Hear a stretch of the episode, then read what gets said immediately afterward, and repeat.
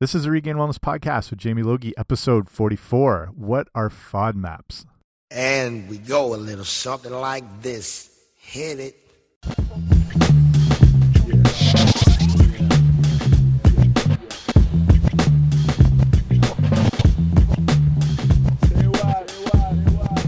Hey guys, what's happening? Welcome back to the podcast. I'm Jamie Logie. I run regainedwellness.com, and this is the Regained Wellness Podcast, which is here to help you take back your health. So thank you for joining me. And I want to touch on this subject that you might have seen popping up here or there called FODMAPs and how they affect your health. You might not be sure what they are, what's the issue, should you avoid them? I'll break it all down here today.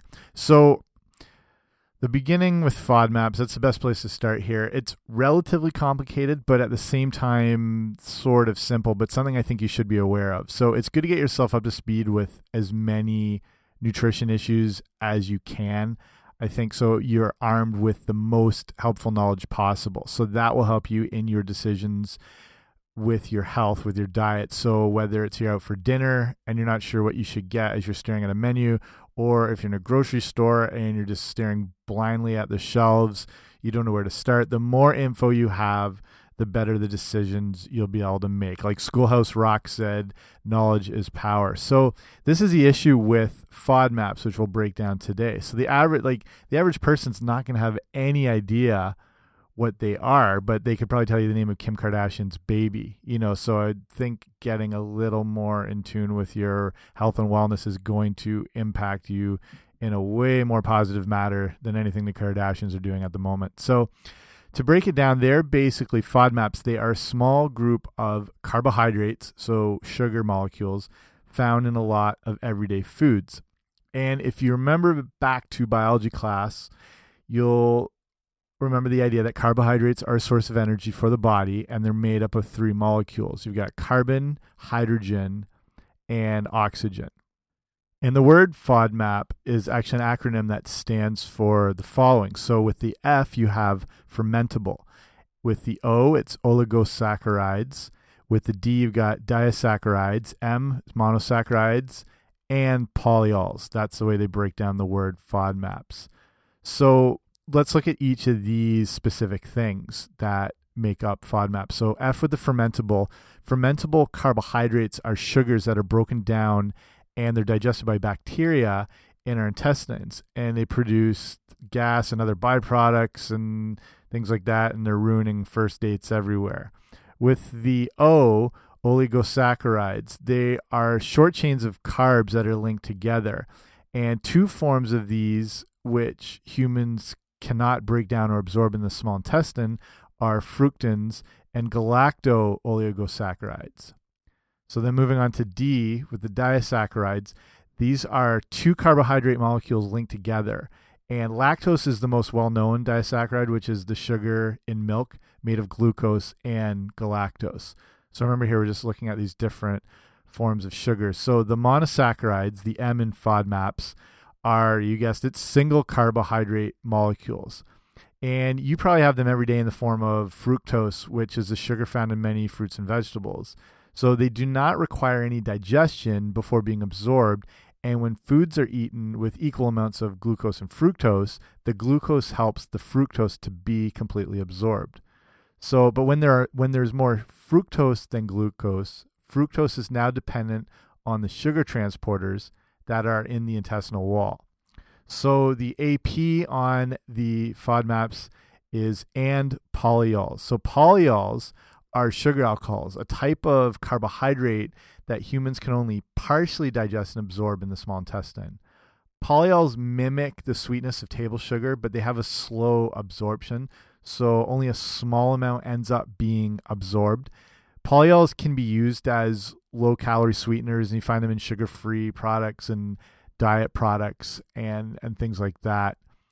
So, what are the problems that FODMAPs cause? Why are they an issue? Why are these types of sugars potentially a problem? In some people, all the compounds that make up FODMAPs can be poorly absorbed in the small intestine, and the small intestine is where all the action happens as far as digestion. When we talk about the gut, we're talking about the small intestine, which is where a majority of the foods we eat are digested, absorbed, and spread through the body. So the FODMAPs go right through the large intestine where they can end up drawing water into the colon. So with the drawn in water, FODMAPs can rapidly ferment by naturally occurring gut bacteria. And this is where the gas and the other byproducts are created, like the bloating and the uncomfortable feelings. So the people who have digestive issues do need to be aware of these FODMAPs. And also people who suffer from things like irritable bowel syndrome.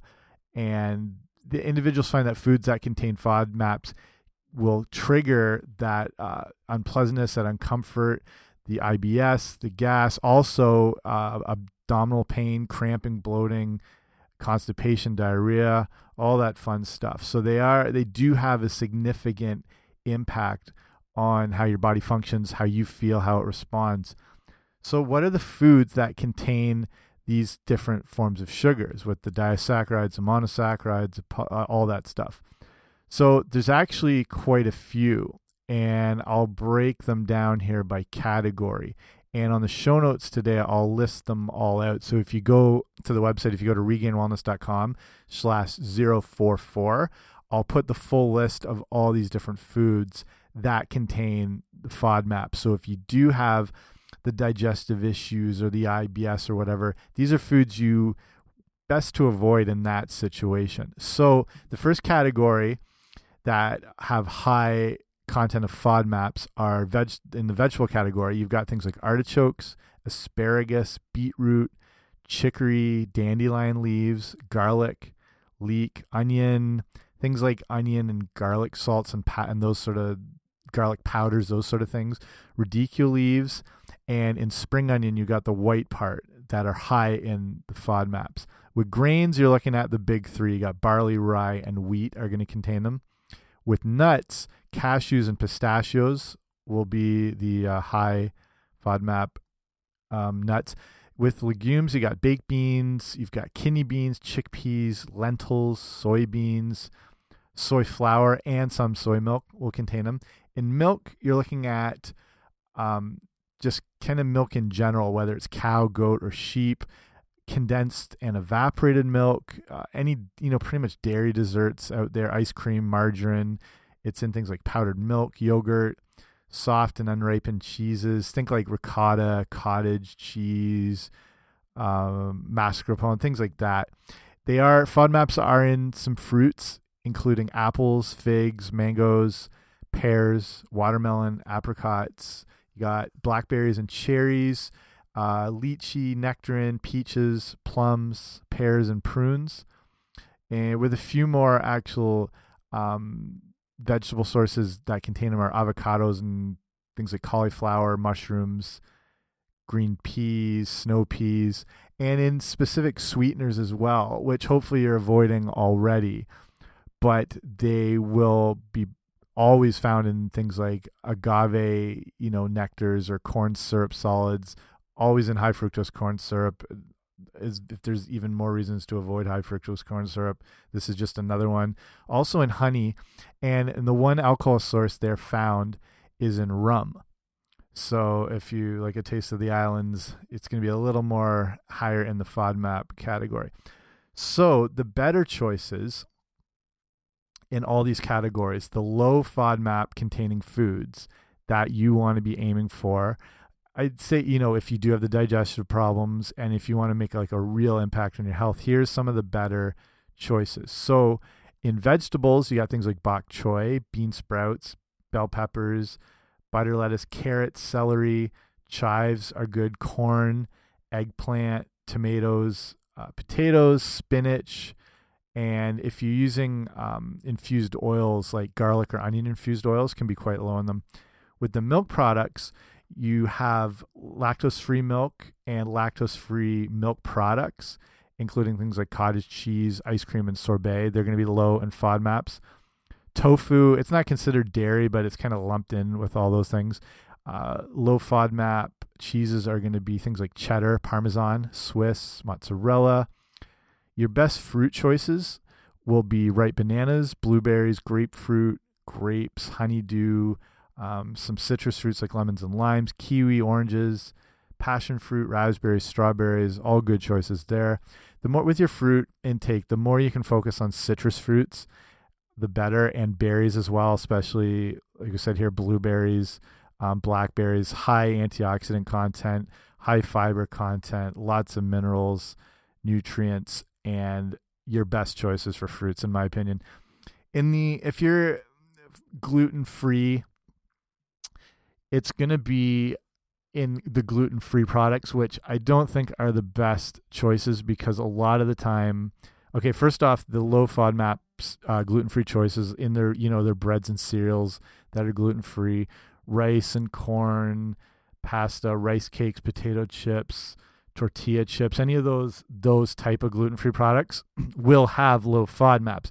The problem is with the like things like the breads and the cereals um, they to replace the gluten they use uh, things like potato starch or tapioca starch or rice flour and things that have a very high glycemic index which can really spike your blood sugar levels. And so if you are avoiding gluten you're kind of trading in one problem for another. So i'm just not a big fan of gluten-free products. But if you can't live without them and you like them for the occasional treat and you want to be avoiding you know, high FODMAP containing gluten products, those are your best bets. There's one sweetener, well, natural sweetener, and it's maple syrup, which is low in FODMAP. So, you know, I can't pretend that I'll never have things that are sweet. And the more you can obviously cut out sugars, specifically refined sugars, the better. If you do need that little bit of sweetness, maple syrup can be a good go-to as far you know as long as it's a naturally created organic um, product because at least you're, you're dealing with something a little more natural. There are some nutrients in there. Obviously, avoiding anything high sweetened is always going to be in your best interest. But in this in this situation, the maple syrup can be okay uh, for avoiding high FODMAP. So you know, if you like a little in your to sweeten tea or whatnot, it's a better go to than any you know actual table sugar or artificial sweeteners or whatnot. So so what happens if so you've had these uh, potential digestion problems and you've just noticed you're feeling gassy bloated and you're turning to the low fodmap choices what happens when you start following something like this? So it's really the low fodmap diet has generally been seen as an effective way of treating like things like irritable bowel syndrome. The main studies about this have been carried out in australia by all my vegemite eating friends by a Dr. Sue Shepherd, and she showed that a low FODMAP diet may reduce gastrointestinal symptoms in 75% of all IBS, irritable bowel syndrome patients. So that's pretty significant. And that's a lot of relief for a lot of people that are suffering this more and more. Obviously, you need to check with your doctor regarding issues with things like IBS or gastrointestinal symptoms, but that's these are really encouraging results. I'll, I'll link the studies again on the show notes here. Um, and the idea with this, you know, the podcast, my website, the blog, it's to educate you on the whole issue and show you work that's been done. So in this issue, it's very promising, very encouraging. It's important to recognize that FODMAPs are not the cause of digestive disorders like IBS, but they can trigger the symptoms. So that's important to remember. They also point out that following this diet may not provide any benefits to healthy individuals, but the more you can keep your foods in their natural their natural whole state, the better. If you are to remove some of those high FODMAP containing foods, you want to make sure to replace them with other high nutrition. And that's the main idea behind this. And for all of us, the sooner we can move away from modern processed manufactured foods and into real foods, the better it is for your overall health. So, this is where you want to start off. If you're new to nutrition, if you're new to getting healthy and well, and you're usually you're shopping at a grocery store and you tend to buy things that are just in the middle aisles that are in packages or bags or boxes or whatnot the first thing you want to do is start moving towards real whole foods so if you're in a grocery store that means following that outer ring because that's where you find foods in their natural state so the best way to start approaching this is if, if you haven't, you know, dealt with real foods as much before, is you want to be eating something that doesn't have any list of ingredients on it. Like if you pick up a bunch of bananas, there's no um, nutritional profile on it. It doesn't show you how much of whatever's in it. It doesn't break down all the you know the calorie content or the fat content or the or, you know potential artificial ingredients because real whole foods they are ingredients. They're the ingredients that make up whatever dishes you make. So if you pick up something and it doesn't have a nutrition label on it that's something you do want to be eating. So like i said in the grocery store when you're walking around the, the outside ring you're looking at you know fresh produce fruits vegetables. When you work your way around you're getting into the proteins like um, meats pork chicken. You go around there's more there's things into like eggs milk dairy whatever so your first thing is you want to start moving into real whole foods. After that, that's when you can start getting it a little more specific. And that's when you want to start looking for better versions of those whole foods. So if you're buying tomatoes in a grocery store, that's awesome because it's a real whole food. Problem is they might be genetically modified or grown with pesticides and they be, could be coming from the other side of the continent, who knows what. So now you want to start looking into maybe a little more natural form of tomatoes. So if you can start finding markets or farmers markets where you know these um, items are grown nearby, you know they're not grown with pesticides or they don't contain any genetically modified ingredients. So you're getting into the more pure form of that food. And then when you if you're getting into real whole foods all the time and you do suffer from things like these you know digestive problems gastrointestinal issues ibs that's when you want to start making the switch to some of those low fodmap foods. So you're still keeping your foods real and whole but you're moving into those items that'll be a little better for your specific condition. So the digestion issue is a huge topic and it can be like Kim Kardashian trying to solve a Rubik's Cube. It can be very confusing and frustrating. So, people who suffer from things like IBS will feel they have everything under control. Um, and then they just only to have like a problem flare up again without any warning. And that that's the issue. For those of us that don't suffer from digestion issues, like I was saying before, you still need to focus on real whole foods in the pursuit of your best health for that full spectrum of minerals, nutrients, phytonutrients, antioxidants, um, and just the cleanest sources possible. So even if you find yourself, you might be managing okay, eating a lot of crap at the moment, does not mean that will last. Like on the contrary, a whole whack of conditions and issues can start occurring all at once when you've been you know you might have been lasting for years and years eating stuff like this but it's kind of like driving a car on its last legs it goes for a while but you notice when one problem comes up it tends to be followed by a whole lot you know, leading to its ultimate demise. Thinking my old Pontiac Sunbird, my first car, you know, it's going great for a while. One problem comes up, then it just seems to trigger all this other stuff. Same thing with your health. It, when when one thing starts peaking up, it it can be an indicator of other problems, and then that sort of um, funnels into this you know bad downward spiral as all these health conditions become out of whack. So, like I said, especially when you're young as well, like people high school, college age, you know, they feel like you need anything you can get your hands on. I was the same way. Uh, like with playing a lot of sports and being active, you know, you just ate everything in sight. And the problem is a lot of people can be okay like that for a while as your your body's changing, your your hormones are at a whole other level. So like with an average 20-year-old, the diet they're following and working for them is not going to work for someone who's maybe 55 and hasn't exercised for a while, might potentially have type 2 diabetes. So that's why there's not any one fit all type diet, especially like, you know, with those younger people who've been able to maintain potentially not eating the best foods, but because they're going through such a transition phase with their growth, like I said, their hormone levels, their body, how everything's developing. So, like, you know, they can kind of make it through it. But I promise you that will not last. That will not, um, that ability to just eat whatever you want will not last. And you feel like, you know, if you're going okay and it, yeah, it might be feeling okay at the moment, but that's when it starts to creep up on you and then all of a sudden you know you start having you know the digestion problems or you're having joint pain or skin problems your energy's down it's just all these things trickle down when they start to kick in so the body is incredibly resilient like the, the, stories of what the body's able to go through and survive and you think of like you know shipwreck people and people survived off nothing it's very resilient in these chunks of time but over the long haul, that chronic um, mistreatment of your body, that's going to blow up in your face. So the sooner you can start making the changes to getting your diet as real and as fresh as possible, the better you set yourself up for avoiding all those potentially horrible effects that come from eating modern manufactured nutritionless diet. And the sooner if you hadn't listened to my episode episode 43 regainedwellness.com slash 043 with mark schatzker who wrote a book called the dorito effect please go listen to this right now as it tells you why we want to keep eating the foods we want like the foods that we seem to be addicted to like whether it's fast food processed food manufactured food why do we want to keep eating it?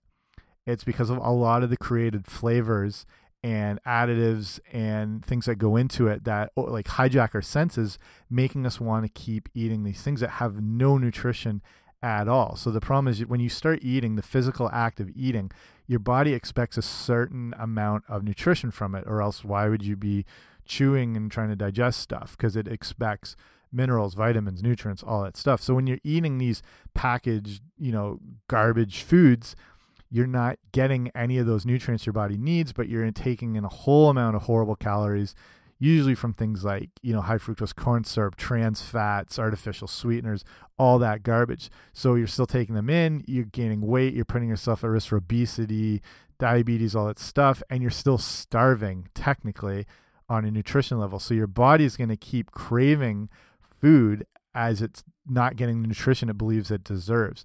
So please go listen to that episode and you'll learn a lot more about how the the creation of these flavors impact our senses, overwhelm us and all that sort of thing. And it'll help you really make that decision to stay away from manufactured crap and move back into a real whole food fresh diet. So I think I'll cut it off there as like I was saying, the digestion issue is huge. The FODMAP issue is becoming more prevalent. People are becoming more aware of it. And with that research out of Australia with Dr. Sue Shepherd and showing the the promise of moving into low FODMAP diet for reducing gastrointestinal symptoms and relieving IBS a little more, it does look good. So if you're someone who does suffer from these things, start reading up more. Use this the episode as a jumping off point and keep researching more to see uh, if that's something that would work for you. And the main takeaway, obviously, from this episode is keep your foods as real as possible, as fresh as possible, and as natural as possible. So, if you haven't already, do swing by the website. Like for today with the show notes, regainedwellness.com slash 044, I have more information specific to this topic, but on the website, tons of other blogs on everything you can imagine, all different nutrition issues, as well as all the different podcasts I've had up. So with some awesome guests and all all the topics I cover there. And if you haven't already, make sure to sign up for the email newsletter, which you get by going to regainedwellness.com slash guide because when you sign up, I send you off this free ebook. It's just a short guide that's got a breakdown of a lot of foods you want to be including in your diet, foods you want to be avoiding, um, and why you want to be avoiding them just specifically. It's got a few recipes and then it keeps you on the Regained Wellness newsletter. So I'll share information just through email that I won't put up on the blog necessarily. So you'll be the first to get that, or if what you know new episodes are coming up, things like that. So sign up for that, and that, that book that ebook gets sent off to you right away to get you up and running. If you like using all that fancy social media the kids like so much, I'm on the usual. I'm on the huge. Like uh, Facebook is just facebook.com slash regained wellness. Twitter, the handle is at regain wellness. So this time it's R E G A I N wellness, just because you have to cut down your letters there. Twitter really handcuffs you, doesn't let you expand yourself. One day that'll that'll change. And if you have any questions or things you want to see covered on the podcast, uh, or questions in general, write to me at info at regainedwellness.com so I can check all that out. So thanks for joining me today. I really appreciate it. I know there's a million podcasts out there and lots of great ones. And just the fact that you're listening to this one right now, I really appreciate it. And thank you for taking the time. If you do like it, make sure to subscribe on the old iTunes machine so the podcasts are sent right to you, right to your pocket, wherever you are. And if you have time, leave a rating and review. It just helps get the show shown to more people. It gets more exposure. More people get to see it. Makes my mom more proud of me, and everybody wins. So remember, with your own health, your own wellness, your diet, your fitness, you want to keep you know one foot in front of the other. Realize it's not always going to go perfect, But remember, the main idea is that it's about progress and not perfection. See you next time.